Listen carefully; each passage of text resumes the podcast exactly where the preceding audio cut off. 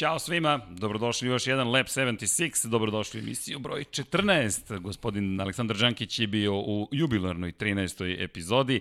Pavle, 14. je pred nama, idu epizode, a imamo i 16 dana do početka sezone Formule 1. Kako je še malo priseku 17? A 17, ali sam se zabrao 16 zabrao si, već i plus nekoliko časova. Pošto kada objavimo ovo, već će tu Tako, biti dobro, 16. biće Mada 16. ko zna kada ovo ko sluša i gleda. Ali još malo, pazi, još dve nedelje samo do početka sezone. Pa da, to smo, to smo čekali. Ali meni da. nesvarno zvuči Pa da, da, da, nestvarno da je. ulazimo u Pa vidiš po tenziji kako radimo onaj Misliš odsustvu tenzije u virtualnoj velikoj ono je- nagradi ono o je postalo, Kanade. postalo mi je dosadno, ne, nisam mogu više gledam. Jedva sam izdržao poslije trku, moram ti kažem. Dakle, otvaramo tom temom. Hoćemo da, da čestitamo Đorđu Russellu, Hoćemo, ajde, da čestitamo, jesti, četiri pobjede za redom. Pazi, ja se često kosimo sa stavovima, ali, Ali- imamo jedinstven kada je Russell u Da, pitanju, da, u da ga pitanju. čeka zaista sjajna karijera. Samo mu treba dati dobar automobil. I to je to. Grand Prix 3 serija, Formula 2 pokorene. Super, Bobo, Evo, da. sada još jedna titula, uslovno rečeno, ali i on je napisao na Twitteru i ova se važi. E, ima nešto, vidi se neka posvećenost, pričamo o mladom momku, ali se neko Jeste. vidi posvećenost, vidi se da, da, da, da ima želju da napreduje, da, da ima taj neki, neki gen koji ga onako razdvaja od tih konkurenata. I šta smo delo. pričali ti ja prošli put, recimo, da ja recimo pre vidim tu eh, Maxa, Rasela, kao neke velike rivale u budućnosti. Volo bih da, da, da to bude i Charles Leclerc, ali neko ovoj dvojici dajem veću prednost kada pričamo o nove generacije. Misliš, volao bi da to bude Max Verstappen, pošto Ne, ne, si volao bih, ne, ne, volao bih da, da i Leclerc budu u toj grupi, Pa, ali bi super. trenutno vidim ovu dvojicu kao neke buduće velike rivale. To je moja percepcija. Russell je po da. meni onaj ko...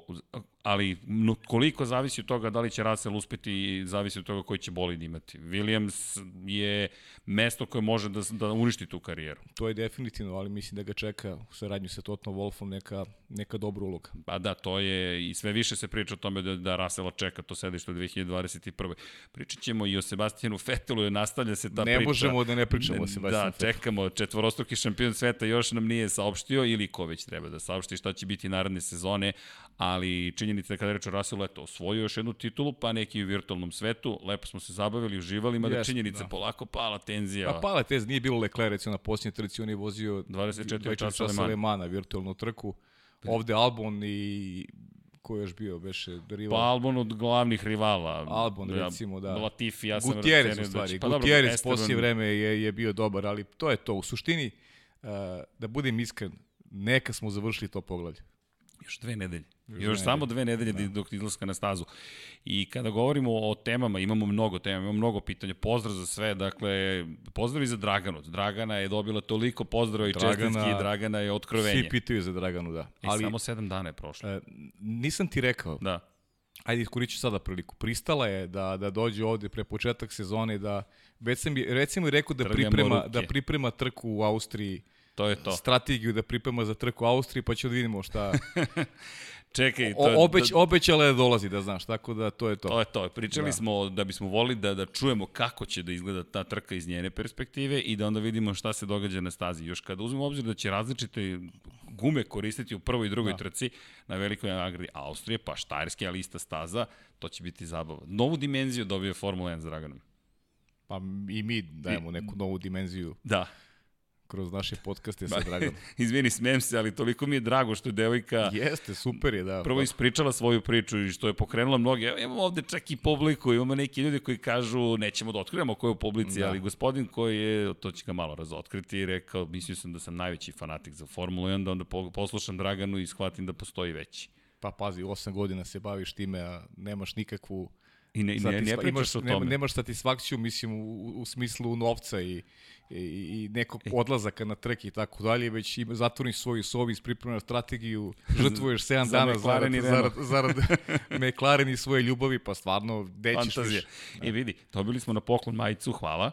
Dakle, stigla je još jedna stvar u, u studio i eto, tu je kombinacija Fernando Alonso, Renault, dakle, sarađivala i sa Fernandom Stara i sa dobro, Renault. pa da, da, Pa Fernando. kad već spomenjem Fernando Alonso i Renault, Ide u kontekst sa Draganom, pa da. da, bili u kontekst cijelih ovih vesti ili odsustva vesti. Dakle, čekamo da vidimo da li će Da, se rešiti sve u svemu. Dragan je obećala sedeće preko puta mene za koliko dve nedelje recimo. Za dve nedelje. Pa da, Sledeće to je imamo- tačno najava nedelje sezone. dolazi naš dobri Baki, Pa će nam doći. dolazi nam i Baki sledeće nedelje. Branislav Pralica, za one koji se eventualno pitaju ko je gospodin Baki. je. ali stiže nam. Stiže sledeće nedelje, tako da smo puni smo sa gostima. Da, da za naredne dve nedelje znamo. Danas, će, danas ćete morati da se zadovoljite sa gospodinom sa moje leve strane i I vašom malenkošću, molim vas, pa naravno, da. da. U svakom slučaju, e, što se tiče Formule 1, dve nedelje do, do, do, do početka sezone, dve velike vesti. Jedna je iz redova Mercedesa, Andy Cowell napušta Mercedes, dakle 1. jula. Ostaće do početka 2021. čovek koji je najodgovorniji zapravo za razvoj ove neverovatne pogonske jedinice koje koriste u turbo eri i čovek koji prema pisanju Autosport je to lepo napisao Mercedesu, iako kažu da će se sve nastaviti normalno, da je to jedna vrlo kvalitetna zajednica koja će nastaviti da funkcioniše i bez Cowella, toliko su želeli da ostane da su ga molili da do 2021. nastavi da savetuje svoje naslednike. Koliko je važan Andy Cowell. I to bi, Pavle, moglo da bude prilično važno s obzirom na činjenicu da stižu nova pravila od 2022. Pa pazi, 12 godina je u Mercedesu, dakle to je ona ekipa, go, pričali smo, koji je okupio Ross Brown još dolazko u Mercedes. E, da ne razdvijamo druge timove sad u Mercedesa, da, da ne umanjujemo značaj njegovog odlaska iz ekipe. Ovo možemo da protumačimo kao jedan prvi udarac koji je Mercedes, koji će Mercedes osetiti tokom ovih 12 godina, jer ne znam da li se dogodio značajniji odlazak ako ne računamo onaj period, kad, ali dobro, to je već bilo kontrolisano kad je Mihael Schumacher odlazio, to je sve bilo kontrolisano, dolazak Luisa Hamiltona, sve to bilo planski od strane Mercedesa, ali ovo je, tako ovo je zaista ozbiljan udarac za Mercedes i vidjet ćemo šta to znači u nekoj perspektivi kada govorimo o nekom razvoju Mercedesa i želji sigurno da e, budu i dalje pozicionirani kao najbolja ekipa u šampionatu. U menadžmentu ekipe Mercedesa, Toto Wolff, Andy Cowell, dakle tim redosledom je raspoređena hierarhija, takva, da. i James Ellison. I onda dolazi ispod njih Rob Thomas, Jeffrey Willis, Mike Elliott, John Owen i Loic Serra. Pa eto, jedan od, znači, posle Toto Wolffa, glavna karika, jasno je šta znači onda taj njegov odlazak. I da. na šta mene zanima, gde će, šta je da. sledeći korak, to me, to me da. najviše zanima od svega, ali nemamo neke informacije nemamo o tome. Nemamo još uvijek informacije, da, ali to se svi pitamo, gde će Andy Cowell, čovek koji je direktno odgovoran zaista za razvoj, on je čovek koji je nagrađivan za, za ne samo sada, već ako se vratimo kroz istoriju, baš smo jutro prolazili šta, šta je sve radio, da se podsjetimo malo, To je čovek koji je nagrađen, on je u Ilmuru bio, još sa V8 motorima. I nagrađen je bio za motor koji je, u koji su prvi put ugradili KERS sistem. Dakle, to je čovek koji je u prethodnoj eri Formula 1 bio i tekako upečatljiv. I onda je došao u Mercedes i sa Mercedesom postigao ovo što je postigao u hibridnoj eri. I Sve ako ode negde drugde... Pa, šta ti ceniš šta da je, da je, pa verovatno se nešto valja iza brda sad. Pa sad... Šta je, ne možemo čak ni da spekulišemo šta je u pitanju. Pa hoćemo, ma, Pa ne znam, znaš, ono, to je... Znaš kako ja gledam... Ko, ko, ko može to da, ko može sebi da priuši takvog čoveka, znaš, ili to je... Ferrari ili Renault, po mom mišljenju. Pa da. O Red Bullu ne razmišljamo, Red Bull je potkovan, ima, ima. tu, ima tu ljude koji su To je japanski struke. tim koji, koji, koji Honda je pokrila već. Ali... Pa ja kad razmišljam, kad razmišljam ko je taj koji bi mogao da zakuva, pre svega mislim na Ferrari, naravno. Jer Ferrariju je tako nešto neophodno. Da vidjet ćemo, to će biti va, zaista interesantno. A druga velika vest, i, i opet govorimo o motorima, ali dolazi iz jednog drugog tabora, Ferrari, koji je najavio da donosi novi menjač i novu pogonsku jedinicu u Austriji. Navodno 15 konjskih snaga će imati više nego u predsezoni. Pa ako tumačimo rezultati iz predsezone, jasno je da je to njima neophodno s obzirom da su imali loše rezultate, ali ja sam ti rekao i prošlom podcastu da ja nešto ne verujem, nikad nisam verovao u te rezultate iz predsezone.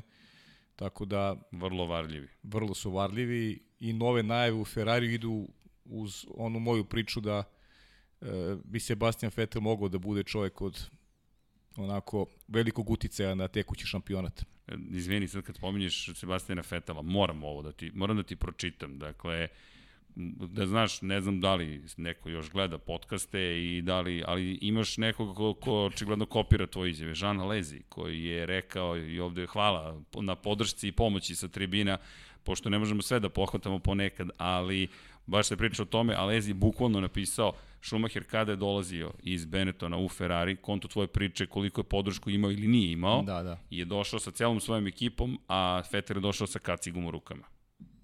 Pa to je to kada to kaže to. Žana Lezi, koji je legenda upravo tog ima, Ferrarija. Ima, ima težinu, naravno. Tako je. Za razliku od to ne, ne, ne, kažem ne, ja. ne, ne, ne, ne, ne, ne. Pa ne, šalim se, naravno, ali, ali naravno. Ali cenim da je slušao podcast i pa rekao, pa do, čekaj, pa, to je to. drago mi je da nas sluši. Ne, ali šal na stranu, šal na stranu zaista, to je tako. zaista to jeste. Ali mislim, sređeni pričali smo ti o tome i ranije, znači nismo, nije sad... Pa eh, nije ne, negde nova je naš, teorija. Negde je naš stav to i zajednički generalno i zaista... Uh, zaista je velika razlika u životu generalno. Ja sam navio neki moj lični primjer i ima ih mnogo u životu. Ako imaš podršku, čak i ako si čak i ako uh, nisi toliko kvalitetan, ako imaš pravo podršku, moćeš da napraviš neke rezultate. Ali ako nemaš podršku i ako si najbolji na svetu, to, ti, to može da bude onako ozbiljna, da kažem, prepreka u nastojanjima da se uh, sve završi po nekom željenom scenariju. Da A Fetel, Fetel nikada, Fetel nikada nije imao jedinstvenu podršku Ferrariju i to je, to je činjenica. I sad ne znam, vidio sam neko pitanje tamo uh, Ima ih. Ariva Bene ili, ili uh, Binoto, ja sam i dalje ostajem pred tvrdnji Stefano Dominikali. Ja sam i dalje pri toj tvrdnji, kad, kad je Ferrari u Ja sam i dalje pred tvrdnji Stefano Dominikali.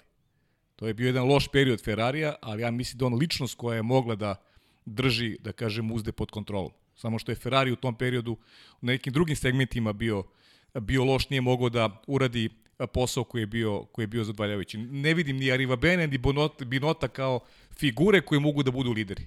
Da, ali to je sve dolazilo od Serđe Markione, koji o, je zapravo je. bio lider, koji je postavljao tako ljudi je. ispod sebe tako koji je. su zapravo ljudi koji danas vode Ferrari. Tako je. A imam i neki, onako, da kažem, iz prve ruke eh, o Dominiku Kaliju neke priče koje su i meni pomogle da imam ovu vrstu stava. Dobro, ali Domenicali nije dobio tu podršku. Nije, nije, nije, on je nije, formirao nije. drugi tim, ali, ali to opet tradicionalno već za tu kulturu u Ferrariju. Tako je. I danas smo pričali o Jamesu Ellisonu, koliko je zapravo Ellison tim odlaskom iz Ferrari u Mercedes postigao i za svoju karijeru i za Mercedes. Nisu znali u Ferrari kako da iskoriste jednog Ellisona, koji je jedan od ključnih ljudi, tehnički direktor ekipe Mercedesa u uspesima Mercedesa, ali Ferrari u toj konstantnoj restru, restrukturaciji, dakle restrukturiranju konstantnom, stalno menjao, stalno menjao, stalno nešto menjao i tu nema stabilnosti koja vam je neophodna. Govorili smo često, italijanima je jako teško da upravljaju jednom takvom uh, organizacijom kao što je Ferrari, svi u Italiji vole. Ferrari je simbol Italijana i uh, svaka, svaka, da kažem, loša trka od nje se pravi najveća moguća tragedija. I, Ali dobro, to su ti toj ekstremi, tako, u toj konstelaciji snaga, najgore. U toj konstelaciji snaga lakše e, nekom strancu da hendluje celu priču, da se isključi, da ne prati medije, da ne bude toliko uključen u, u to šta javnost priča i mislim da je to onako jedna, to je jedna ozbiljna, kulture, da, jeste, o, ozbiljna prepreka, mislim da je kažem, od ove trojice koje sam navio, mislim da je Dominikali onako najjača ličnost, neko ko je tu mogao pa, da, da, da jedan duži vremenski period, da, da možda dođe do, do rezultata koji su italijani tražili. Ali prva stvar koju uradiš ujutro je Gazeto dello Sport, šta pa, piše. To je recimo, pa. To je deo jutarnjeg pa, kulta. Pa nema, to, to uvek je prva vest Ferrari. To je, pa, I šta se tamo događa. Gazeta, da. I, ali zanimljivo za Ferrari, izvini, sad kada pričamo o Ferrari, ali da, da, da ne bude... Samo da budemo jasni, Ferrari je i dalje zaljubljen u trke. Dakle, to je trkački tim. To su ljudi koji žive za Ferrari, žive za trkanje. Ono što je meni zanimljivo, s obzirom na smanjenje budžeta, Ferrari planira navodno da se vrati čak i u IndyCar. Zamisli da, u IndyCaru je... Ferrari motor. Meni bi to bilo fenomenalno. Pa bilo bi super, zaista. Zamisli Ferrari u po jednom potpuno drugom takmičenju. Pa zamisli je... šta bi to značilo iz IndyCar da Tako je. Ferrari. To bi onda... Meni su se oči zacaknile kada sam pročitao. Mnogo više na globalnom okay. nivou bi se gledao IndyCar. Tako, I to je bilo jedno od pitanja. Dakle, šta mislim o tome? Ja mislim da je to konsenzus fenomenalno ukoliko može da se desi. Da, ne, ne znamo koliko je realno, ali svako dižemo dva prsta za Ferrari je rekao da sve što će postaći situaciju. bolje bolje trkanje u Indikaru. Inače Indikar pa, zna... ko, kao kao sistem neke organizacija ja volim uvek sam voleo da pogledam trke. Uh. Sva što je tu prošlo. Da. Fernando Alonso u Ferrariju na 500 milja Indianapolis. Ili, ili možda spojiš Alonso sa Ferrarijem. A vidi, nisam mogao da ga spojim ni s McLarenom kada se vratio u McLaren da, drugi put. To je tačno, da. Znaš, seti se Rajkonena kako su ga ispratili iz Ferrarija i kako su ga vratili u Ferrari. Da, neko mi druga, drugih tip ličnosti mi, ki mi Rajkonen. A i mal, drugačiji su od, odnosi na da, kraju. Da, drugačiji, bili. potpuno drugačiji. Ali dobro, možemo da i dalje da maštamo. I da ćemo ga vidjeti tamo i da ćemo vidjeti Ferrari. To bi bilo lepo. Znam da. si Ferrari u Indiju. To bi bilo Inače, šta su saopštili još, to je, to je bilo sjajno čuti da žele da zaštite svoje zaposlene od otpuštanja. S obzirom na činjenicu da smanjenjem budžeta će mnogi ljudi ostati bez posla. Već su ostali bez posla zahvaljujući COVID-19 krizi, ali Ferrari rekao voleo bi da zadrži te ljude koji će ostati bez angažmana zahvaljujući smanjenju budžeta u Formuli 1 na 145 miliona dolara već sledeće godine da razvijaju motore koje mogu da upotrebu Indikaru, na primjer. Pa, mislim da zavisi od toga kako će se odvijeti dalje ova situacija sa koronavirusom. Vidimo da baš i nije onako to kako se, kako se očekivalo. Pa da budemo uzdržani od te Dobro, bilo bi lepo u svakom Ferrari. slučaju. Bilo bi super, da, i svaka čast svima koji su uspeli eto, u, u ova teška vremena da, da ovako ostanu, da zadrže ljude koliko je to moguće na, na, na, na, na svojim mestima kad To je- govorimo o poslovnom svetu, a Uspeh nije, izuzetno nije, nije lak. laka matematika uopšte. Mnogi su otpuštali, pa evo vidimo šta se desilo sa Williamsom. Williams Pa i koji... McLaren u krajnjem je slučaju. McLaren otpustio veliki broj ljudi.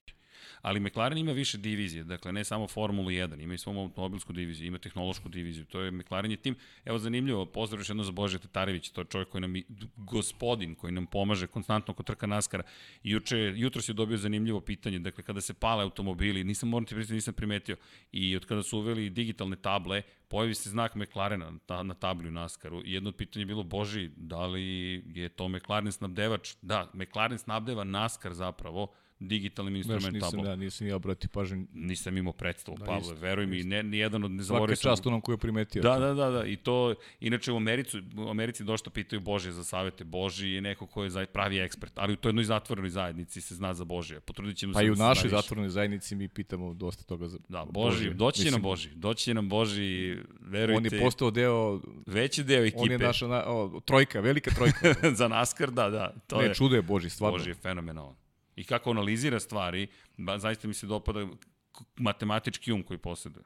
Jeste. Tako I da- stalno nam je tu na ustuzi, stalno šalje brdo dobrih informacija važnih kada, je, kada su trke u pitanju. Zapratite ga, stavit ćemo u link, ne znam mu sad na tačno svemu koji iz- iz ovog, iz ovog ugla, da. I sad pazi, sad to, McLaren dakle proizvodi di, instrument table za NASCAR. Dakle, postoje divizije koje se bave potpuno nekim drugim poslovima za kojim, o kojima se uglavnom ne priča. I McLaren je tu takođe ostao bez ljudi. Dakle, dramatično će svakako biti, ali eto, držimo palče McLarenu u Formuli 1 da može da bude uspešan, da počnemo da pokrenemo sezonu, evo već za dve nedelje, pre svega da možemo da izbjegnemo pogoršanje situacije kada reč o COVID-u, ali bojim se, i ti i ja smo jutro pričali da da nije baš tako jednostavna situacija. Pa evo, kad pogledamo sam ovde, ja u ono vreme pandemije nisam znao ljudi koji su zaraženi, sad ih znam koliko hoćeš.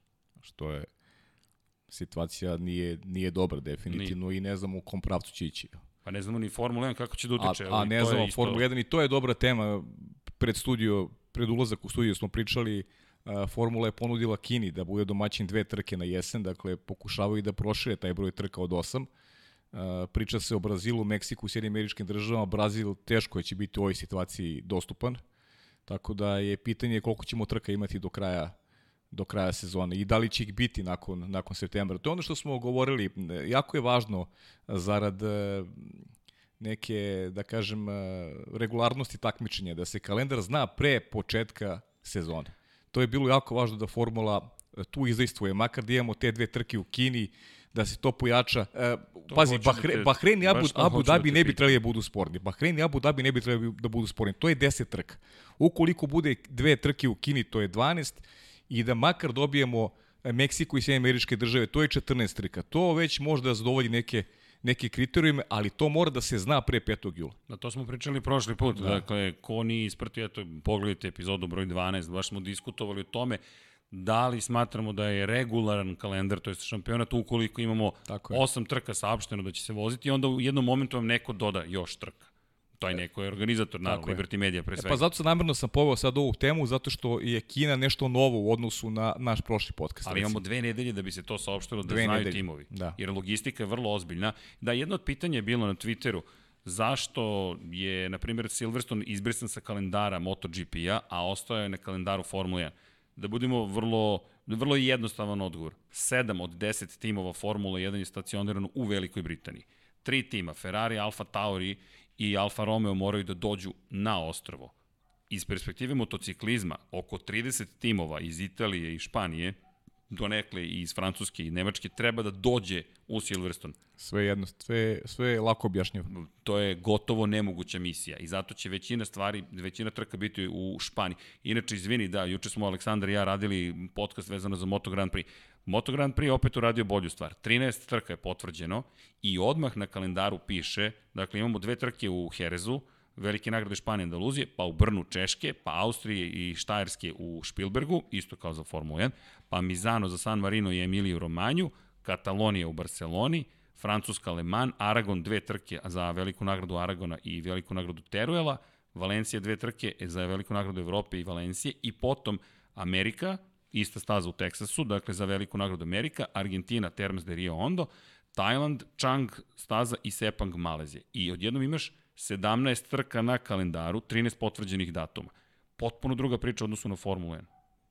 Potpuno druga priča. Ti imaš 8 Pa vraćamo se, vraćamo se u februar i ono što smo govorili u onom našem studiju prvom, koji je trebao da najavi start šampionata Formula 1, koliko Dorna ozbiljno radi stvari, mada valja pohvaliti i Rosa Brone i ekipu koju Libert su onako... je bolje nego što je bilo. Bolje nego što je bilo definitivno i imamo mnogo više informacija nego što je to bio slučaj u to vreme kada pa i... ono ludilo u Australiji zaista ne mogu ne mogu teško mogu da shvatim da neko je ko vodi takvu organizaciju se ponašao toliko neprofesionalno ali sada su stvari drugačije i čekamo tu potvrdu kalendara nadam se da će biti verujem iskreno da oni rade baš u tom smeru da da do 5. jula definitivno saopšte kalendar i neko im utisak da će se to i dogoditi Mm, ja se ja iskreno verujem da to može Jer da utiče da definitivno uticaće na regularnost ako bude drugačije.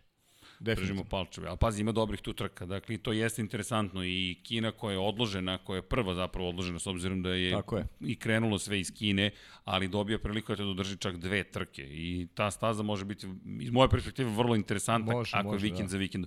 Inače, u, u Moto Grand Prix, isto kao u Formuli, tri vikenda za redom imamo. Dakle, te trostruke trke, ali eto, u kalendaru u Moto Grand Prix većina trka u Španiji, sedam trka u Španiji, dve su u Italiji i onda malo raspoređeno između Francuske, konkretno Austrije, pa, koja će imati dve trke. Tu je, tu je sve, da kažem, nekom bliskom okruženju. Pa da, Evropa opet i Just. onda potencijalno čak tri kontinenta, dakle i Severna i Južna Amerika i Azija. Pa što jeste ideja neka i naravno i Dorne i Liberty Media da se trke voze na tri kontinenta, što nešto što smo što smo navikli u suštini, nešto što je deo tradicije već kada pričamo Da. O, pa rekao to bih je... dve najvažnije discipline kada govorimo o automotosportu. I lepo si rekao, 14 trka, to je već šampionat u kojem... Pa da, to već liči na, na, na naš, nije onaj, da kažem, sprint šampionat sa 14 trka možemo manje da, da, da razmišljam o iznenađenjima, znaš, to je...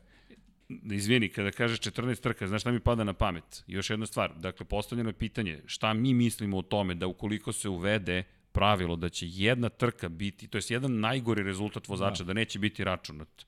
Šta mislimo o tome? Zašto bi to bilo uvedeno? Pa ukoliko neko dobije COVID-19 virus ili na neki drugi način bude ometen u tome da nastupi u trci, Šta, kako tebi to zvuči? Pa ne, ja, ja sam protivnik toga, to pričali smo pre, pred početak podcasta, nekako nisam pristalic toga da se brišu rezultati. Meni to deluje... Ni, ni, ni po koju cenu, znaš, to je... Pogrešno. Bukvalno mi deluje Zašto pogrešno. bi neko ispaštao ako ima 14 dobrih rezultata u sezoni? Zašto bi mu jedan bio obrisan, znaš, to je... Ali, znaš na šta me vraća, izvini. Uh, samo na jedno Jer pitanje utičeš ne samo na vozača, i, i na kompletan tim koji naporno radi da bi taj automobil bio osposobljen od početka do kraja da, sezone, si... znaš, to je e, definitivno nivelišeš nešto što je tim kompletno dobro radio. Mislim da, da, da to nije dobar primer u sportu. Ali znaš na što me vraća? Na pitanje koje da, smo da, imali. Da. Alan Prost, Ayrton Alan Senna. Prost, Ayrton Senna. Često je Senna taj koji pobeđuje u, u ako ništa drugo, u popularnosti, ali postoji jedna sezona, baš 1988. u kojoj zapravo prosto svoju ukupno više poena. 105 nasuprot 94 Ayrtona Senna. Međutim, zahvaljujući činjenici da nisu računati svi rezultati, već samo 11 najboljih rezultata, Sene na kraju imao ukupno više bodova, 90 nasuprot 87. Tako da ako bismo gledali iz današnje perspektive, Prost bi imao pet titula, Sena bi imao pa, dve. Eto, kažem ti, ti znaš da sam ja veliki navijač Sene i jedino sam za njega navijao u Formuli 1, ali to nije pošteno. Prosto, ta, ta su bila pravila, ali kad Tako pogledaš je, pravila danas... su bila takva, ali nije pošteno, realno. Da, u svakom slučaju, ja ne bih volao da uvedu to pravilo. Da, da, Kao što da, si rekao, zaista mi ne deluje pošteno.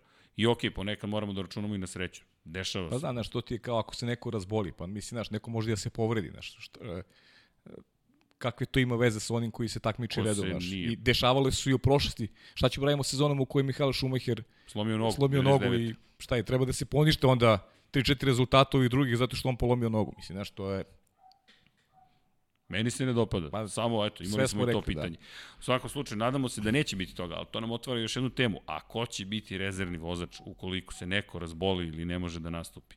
Pogotovo što u ovako kratkom šampionatu zaista je sve moguće. I priča se da bi Kubica mogao ponovo da dobije svoju šansu.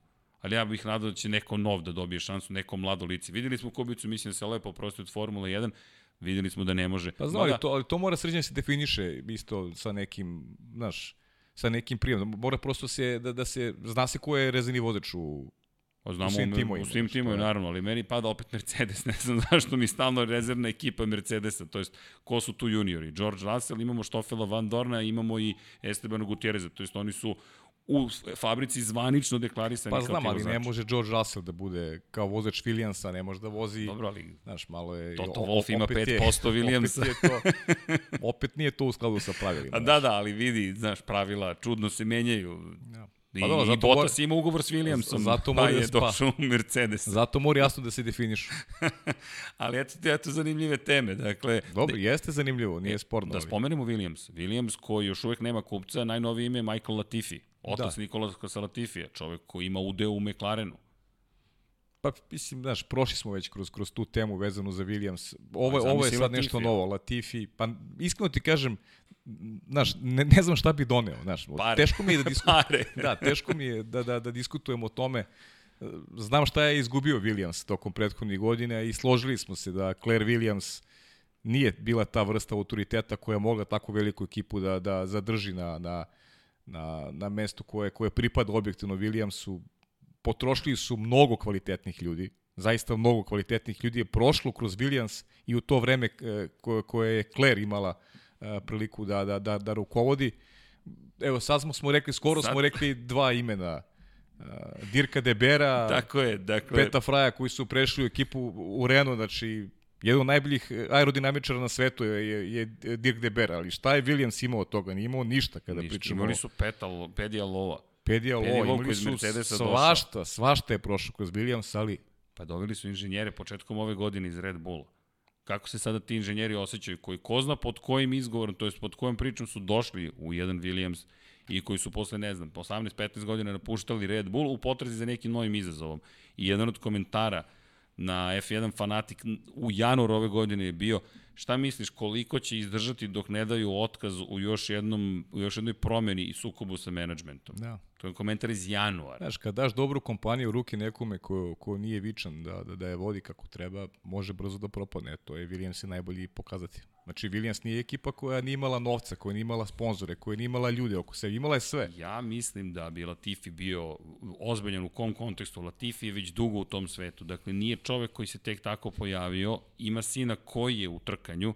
Imaju, znaš na šta me podsjeća? O tome smo pričali pred početak, na Strola. Na, na Le, Pa znam, to sam baš Strolla. teo ti kažem, počelo sve da me podsjeća ovako malo na NASCAR, znaš, na tu, onaj, onako zatvoren krug, ono, Porodični biznis. porodični biznis, da, imali bismo i, opet steo sam kažem, Force India, Racing Point, Aston Misliš Martin, Aston Martin? Aston Martin i sad Williams, ali, ali zaista, eto, iskreno priznajem, ne mogu baš da diskutujem o tome šta, šta bi mogao Latifi da donese sutra Williamsu, eto, da Po budem mom do kraja iskren. novac i stabilnost, O, eventualno. Slušaj, i to ostalo, to. mi, ostalo mi da ti verujem u ovoj situaciji.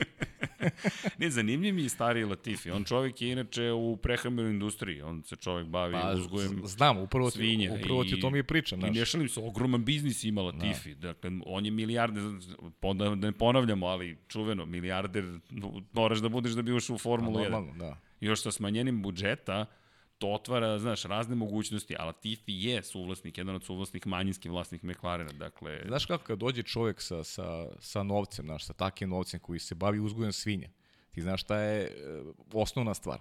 Treba da dovede ljude koji se razumeju u auto, u, koji se razumeju u Formuli 1 i da im prepusti rukovođenje tima, znaš. A ne, ja se bavim uzgojem svinja, ja sad sve znam o automotosportu. Mi ne znamo Znaš, kako pristupa Latifi. E, zato ti kažem, znaš, zato mi je teško da, da se bavim predviđenjima šta može da bude u toj kombinaciji. Zavisi od njegovog stava, kao neko ko donosi pare, kako će se ponašati u jednom takvom sistemu. Znaš, to je... Znaš šta si sad opisao upravo? Izvini, sad a, ne znam, pošto ne pratiš toliko MotoGP, ali Livio Supo, to ti bivši šef Ducatija i Repsol Honda. Dakle, Dobro. čovjek je legenda u Moto Grand Prix krugovima. Imao je, ima fantastičan, stavit ćemo i link, ima fantastičan YouTube kanal, fantastičan podcast u kojem naš kolega dovodi stalno na, za okrugli 100 dovodi ljude koji su poput Livija Supa. I mislim da je juče izašao baš taj podcast i govorio je o tome da pitali su ga kako vidi Ducati, kako vidi Hondu, šta je učinilo njegovog odlaska. I rekao, ne, zapravo, izvini, Shuei Nakamoto, koji inače bio u Formuli 1, to je isto zanimljivo, Nakamoto koji je vodio Hondu, kakav je u odnosu na novu generaciju japanskih inženjera. Izvini sad za duži uvod, ali šta je rekao? Rekao je Shuei Nakamoto je menadžer. Zašto? Shuei Nakamoto je znao ko zna, dovede ga i pusti ga da radi svoj posao. I to je ovo upravo što ti pričaš. Dakle, ne ja sve znam. Zašto mislim da Riva Bene ima ozbiljan problem, na primjer, u Ferrariju? On je došao iz duvanske industrije. Nije bio čovek trkač, što ne znači da je loš menadžer, ali opet, da bi znao ko zna, moraš da prođeš kroz, i moraš da prođeš to vatreno krštenje da te ekipa iz garaže prihvati. A ne, došao sam iz druge industrije, ja sam sad menadžer i odjednom ću da vas vodim. Mislim da je to Arriva Benu, na primjer, nedostajalo. Pa da, kao što je posle toga jedno vreme bio kandidat da uđe u futbolski klub Juventus da radi. Mislim, znaš, to, to su, zamisli sad taj prelaz. Mislim, mene u Juventusu. Pa o tome ja ti znam pričam. koga bih ja zvao. ja znam koga bih ja zvao. Vidi, znam to bi brzo znam rešio. Znam na koga ludiraš, ali, ali znaš, to su, to su jako bitne stvari, znaš, to su jako bitne stvari. Jer, Jesu. jer ok, imaš novac, baviš se, baviš se sa nečim što veze nema sa, sa temom koju želiš da, da, da kažem, da, da nastaviš u stvari sa sportom kojim sad želiš da se baviš. I ako e, imaš tu vrstu sujete, da će sada da pokažeš svima kako to znaš, e, to možda bude put u propast. A ako ćeš da se okružiš ljudima koji će da slušaš, koji se u to razumeju, imaš pritom novac da ih platiš, e to onda može da bude uspešan projekat. Znaš na koga me Zato podsjeća? kažem, zavisi od toga kakav će stav imati Latifi. Sve znam ja čime se on bavi, ali sam ti rekao da imam onako jednu ozbiljnu onako kočnicu kada uh, treba da pričamo o tome da će Williams krenuti nekom boljem pravcu. Da se nadamo da, da iz, ona pozitivni aspekt Flavija Briatorea može da unese, na primjer, koji je došao iz, iz jedne, Pa Flavio je, trikotaža. Flavio je jedinstven, rekao bih. da, kao, kao pojava. Kao neko ko je jedan ozbiljan menadžer, neko ko je shvatio stvari na, na pravi način, bez ozira koliko je kontroverzan bio, ali I bio uspešan, uspešan u svemu čega se dohvatio upravo zbog dobrog stava koji imao. Znaš na koga me podsjeća cijela ta priča? Na Jamesa Ellisona. Ellison kao tehnički direktor koji u Mercedesu uvek govori i moj posao je tri četvrtine vremena su sastanci. Da. Ali je moje da kada tim ne zna gde da ide da isečem i kažem idemo tim putem, ali pušta oni koji znaju više da zapravo završe svoj To posao. to. Da, Mercedes je jedna posebna priča iz te perspektive, ali dobro. Biće zanimljivo ovo sa Ferrari znaš sam, 15 ljudi- ljudi, su- snaga. Ljudi su najvažniji. Najvažniji. Na, to, to vam Izbor- je tim. ti, ti praktično. izbori su definitivno najvažniji. Znaš, kako će se postaviš kao neko ko je, ko je šef, kao neko ko odlučuje kojim ljudima će da se okružiš, kome ćeš da daš priliku da, da se najviše istakne, da, znaš, da, da negde potisneš sujetu, da kad vidiš da, kad vidiš da neko vredi, da ga pustiš da, da, da istakne te svoje vrednosti, a ne da ga sputavaš zbog toga što možda te ugrozi jer vredi. Mislim, to su teme... Znaš na koga me izvini podsjeća? Na Dragana. Zašto? Dak- Dakle, Dragana koja radi to što radi. Priprema rezervne strategije koje i glavne strategije za, za, za McLaren ekipu. Jedan od komentara je bio da, da to nije istina. Dakle, istina je. Možemo da vam, evo, imate potvrdu, ali znaš šta me to dovodi? McLaren je spreman da veruje nekome potpuno sa strane. Javio mi se šef domaćih ekipa, dakle u regionu koji je osvajao brojne trofeje. I rekao, vidi srđane, to je ono što mi želimo, ali to on želi kao neko ko nije sujetan. Pogled sa strane, kao na šahovskoj tabli kada ste. Da, da. Nije bitno koja ti je pozadina, nije bitno koje ti je školovanje, bitno je šta govoriš i šta znaš, šta si naučio, naučila u njenom Tako je. slučaju. I nemam sujetu, kad jedan Fernando Alonso je spreman, to je ono što je ona rekla, da me sasluša, to ti već govori da sa njim bi moglo da se sarađuje. I onda je sasluša i dobije rezultate. Meni, to je upravo što ti govoriš. Dakle, aha, ne koja ti je titula i ko si ti, već šta govoriš. Pa da, da. To, mi, to da, tako mi suština. izgleda. Ma le, mislim, lepo si sve to ovaj, Samo mi prolazi sve to kroz da. glavu. Ali, Pa da. to je kao, znaš, sad ne znam, ono, nekim, evo, tvoj i moj podcast, tvoja i moja neka relacija sad, znaš. Sad neku temu znaš bolje od mene, ja sad pokušam da te sputavam Izvini, kao... ja se smijem, ja sam srećan znaš, što ga radim. Pa ne, samo ali to. pazi, sad ja te pokušam da sputavam u nečemu što ti znaš bolje od mene, znaš, i to onda ne liči ni na šta. Kapiraš? To, to, to, su, to je ta vrsta, Svako to je ta vrsta nešto, odnosa, neko tako zna je. nešto drugo. I to je ta vrsta odnosa. Ako, ako, ako nemaš to u sebi, da možeš da, da, da radiš u korist tima, znaš, da radiš u korist tima, mi smo sve jedan tim, ako, ako ne možemo da radimo u korist tima, znači da ne radimo dobar posao.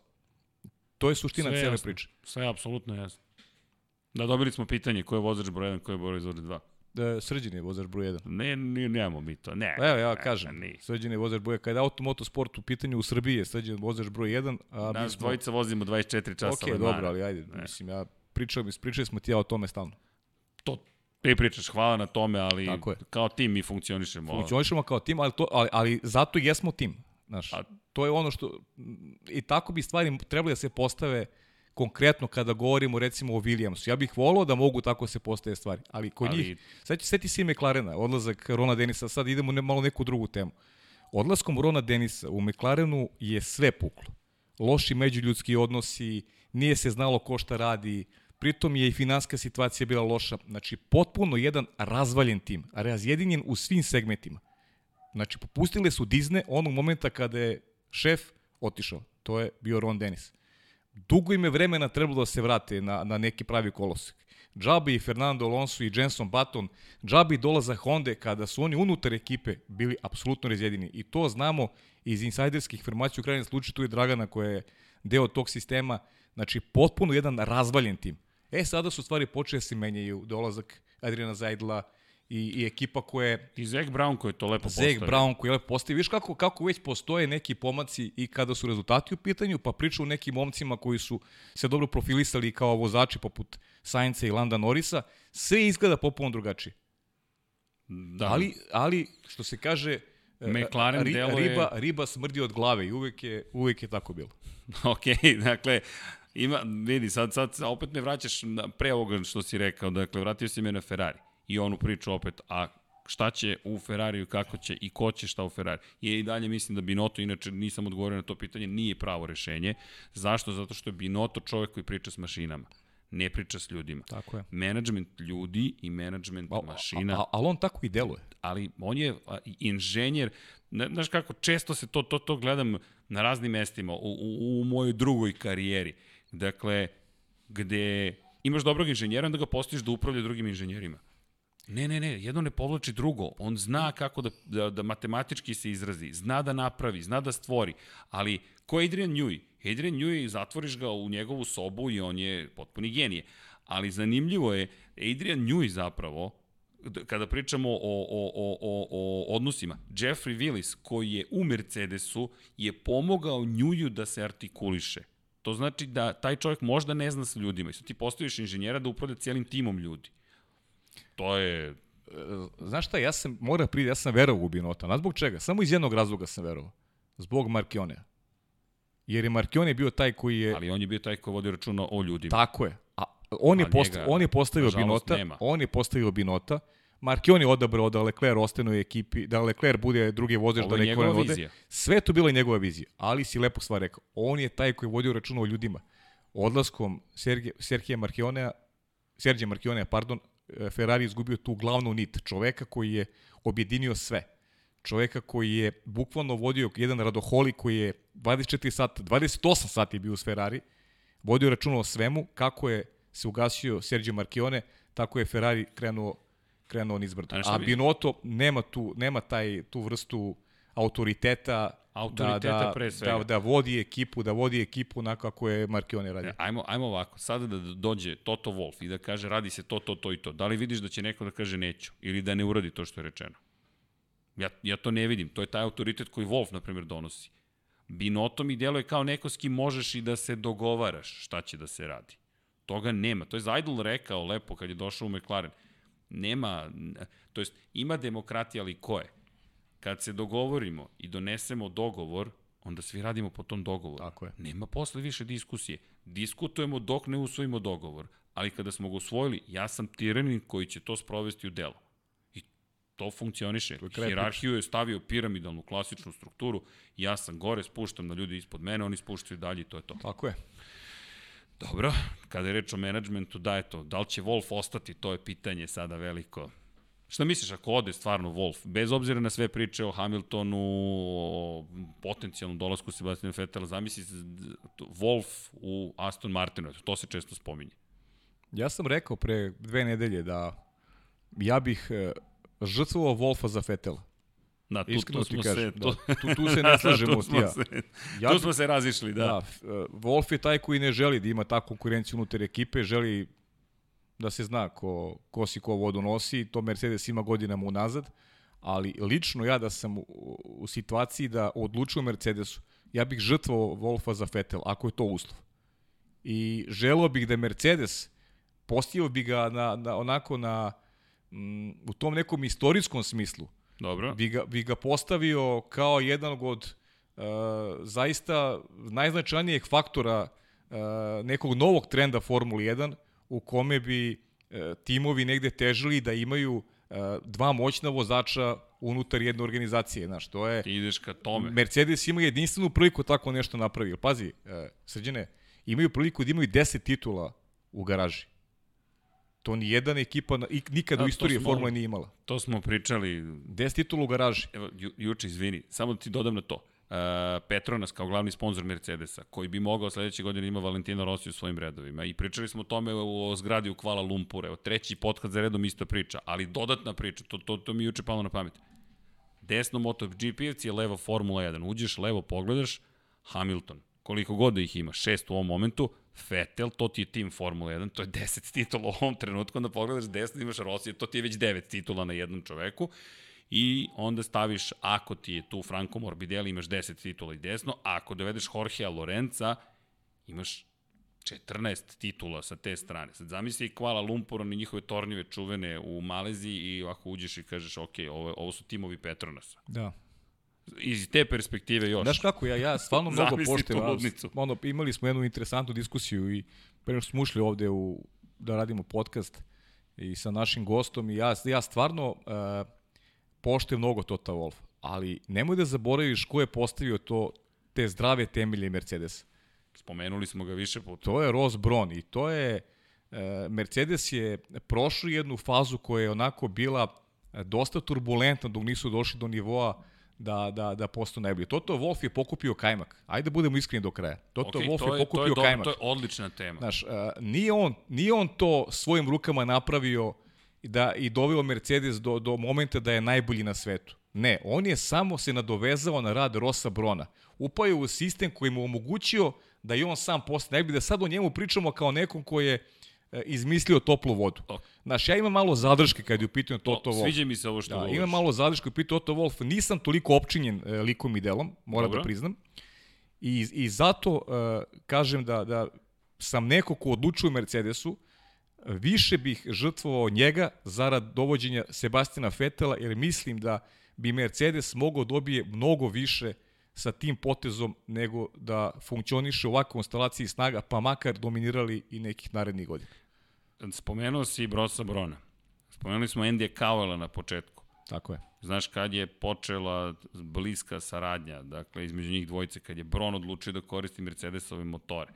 Dakle, Mercedes ga je već imao i čak i pre Brona, ali ga je Bron uklopio u taj novi tim, koji je posle, kao što si rekao, nasledio Toto Wolff. Dakle, moram ti priznati, nisam o tome razmišljao. Dakle, nisam se vratio u tu eru, a to treba uraditi. Ross kada Brown je za mene najdominantnija figura Formula 1 u posljednjih Pa 20 godina. najdominantnije kada pogledaš Mercedes danas. Pa da. Evo, gledam tim koji je menadžment zapravo i ako pogledaš Johna Ovena, koga smo spomenuli, koga se ne spominje često, on je glavni dizajner Mercedesa. Znaš koga je doveo? Ross Brown, 2009. Pričamo o čoveku koga je Ross Brown doveo. Dakle, opet Brown. Ako odeš dalje, ako pogledaš Majka Eliota, dakle, opet su to ljudi koji su sklapani na taj način. Pa, pa ne, neverovatno.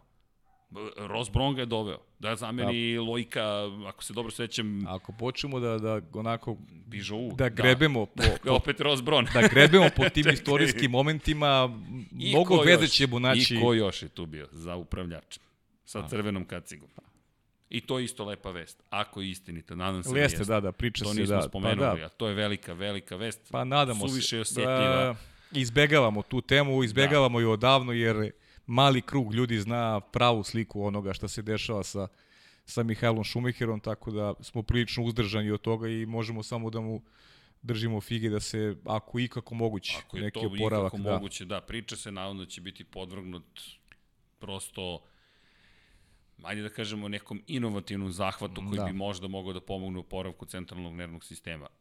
Samo ću reći, verujem ono što obojica mislimo, želimo mu sve najlepše, ništa drugo, ali ne zaboravljamo ko je čovek. 91 pobjeda, 7 titula Pa to, šampiona to, neće, sveta, to neće nikada da se zaboravi. a, a legenda koja, da, šta god učinio Hamilton, M- Michael Schumacher je Michael Schumacher. Pa naravno, naravno. I to je ono što je zanimljivo. Ricardo Patreze koji je spomenuo u intervju za, za, za Beyond the Grid je rekao da šta nje, po njegovom mišljenju odvaja Mihaela Šumahira i Artona Sena od svih ostalih vozača je da su mogli u bolidu koji nije šampionski da osvajaju šampionski titul. A Patreze vozio i sa jednim i sa drugim. Jeste, dakle. I živeo to je. Bili su, bili su uspešni konstantno, da. Da, i to najteže, ono što... najteže je trajati, da, da. to je najteža disciplina. A, a, a Sena, to smo baš uključili, Aleksandar i ja pričali, je 93. možda ima jednu najboljih sezona. U McLaren Fordu, Ford V8, u V10 eri i Schumacher koji je s tim Fordom naredne sezone 94. osvojio titul. Da, Sena, Sena i Lotus pobeđivao, Sena je... Sena je svašta radio, da. Ali, ali, ali apropo i ove priče, dakle, Schumachera pamtimo i baš naravno, kao jednu tu veličinu, bez obzira ali šta se dešavalo. Ali lepo se setio, pošto da, ja sam video tu vest, tako da lepo je ovaj moramo to da spomenemo. Da, pošto čim a pogotovo kad postoji neki neki prizvuk koji onako je pozitivan za za Koliko sve one koji su poštovali, koji vole Mihajla Šumahira, da eto postoji neka nada da će stvari krenuti na bolje. Ja zaista se nadamo. A kada pričamo već o porodici Šumahir, bilo je jedno od pitanja opet o Miku Šumahiru i da, gde bi Mik... Ja ću iskreno reći vrlo emotivno, subjektivno krajnje. Volio bih da vidim Mika Šumahira. Zaista bih volio da ga vidim. Volio bih da vidim i u Ferrari, koliko god da je to veliki pritisak eventualno za Mika, ali sve volimo te neke bajkovite da, ne, priče. Ne verujem da će se to skoro dogoditi. Ja, ja ću da onako bude malo objektivnije. A to je realnija situacija. Teško da će mu se ta vrata otvoriti. Pitanje kom će pravcu i Ferrari ići kasnije, jer ovo je nešto, ipak, i ovo je novo za njih. Jeste. Ali ajde da, da se ne vraćamo na tu temu, da vidimo šta, šta kažu pitanja. Da, upravo to sam sad hteo da, da, da, da otvorim. Dakle, E, na primjer, od, odakle da krenemo, znaš koliko ih ima. Evo da odgovorimo na jedno, kada će pridruženi član Bane Pralica da gostuje? Odgovoreno. E, Bane Pralica sledećeg utorka će biti ovde sa nama. Zatim, e, imamo pitanje za Zorana Živkova. Apsolutno, to na spisku ti da preuzmeš, da, da, da, da, to će da preuzmeš, naravno da. Za Miloša smo se isto dogovorili. Miloša ću ja pokušati da, da vidim, obećao sam tu još, još neki ljude koji su u automotosportu, ali sad da ne otkrivam imena. imamo, izveni, ovde poređenje. Uh, ti si Kimi, a ja sam Hamilton. Mhm. Mm ali sad ne znam... Pa može to tako da se, da. da, da. Okay. Ne znam šta to, to znači, da imam dobru definiš. frizuru. Ne, ne razumem. Imaš više titula od mene, da. ne, ne, ne, ne znam, sam volio, oću Lazare Sloviću obrazloženje, zašto Kimi, a zašto Hamilton. Pa ti ne voliš, ti voliš da se Aha, društvene to, to. mreže se eksponiraš, to e. ja, ja sam kontra priča, ne volim. Ne, zapravo nije, Lazar je upravo to rekao, izvini, ne znam ko je postoje pitanje, ali kaže, ne, ne, Fetel više odgovara Pavlu, nije na Fetel. društvenim mrežama. Aha.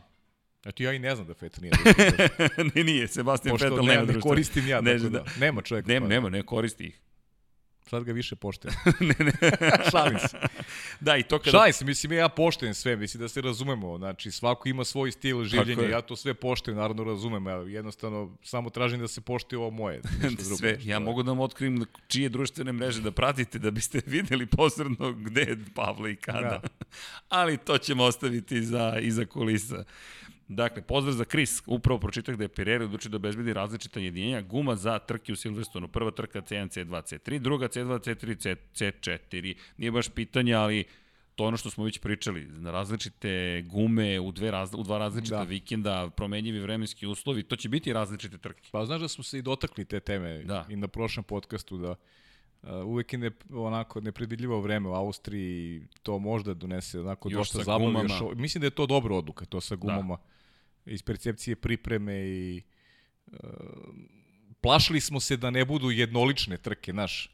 Ali ovog puta sa ovim pravilom, sa, sa ovim, ovom odlukom, e, to se neće dogoditi definitivno. Ne, ne, ne.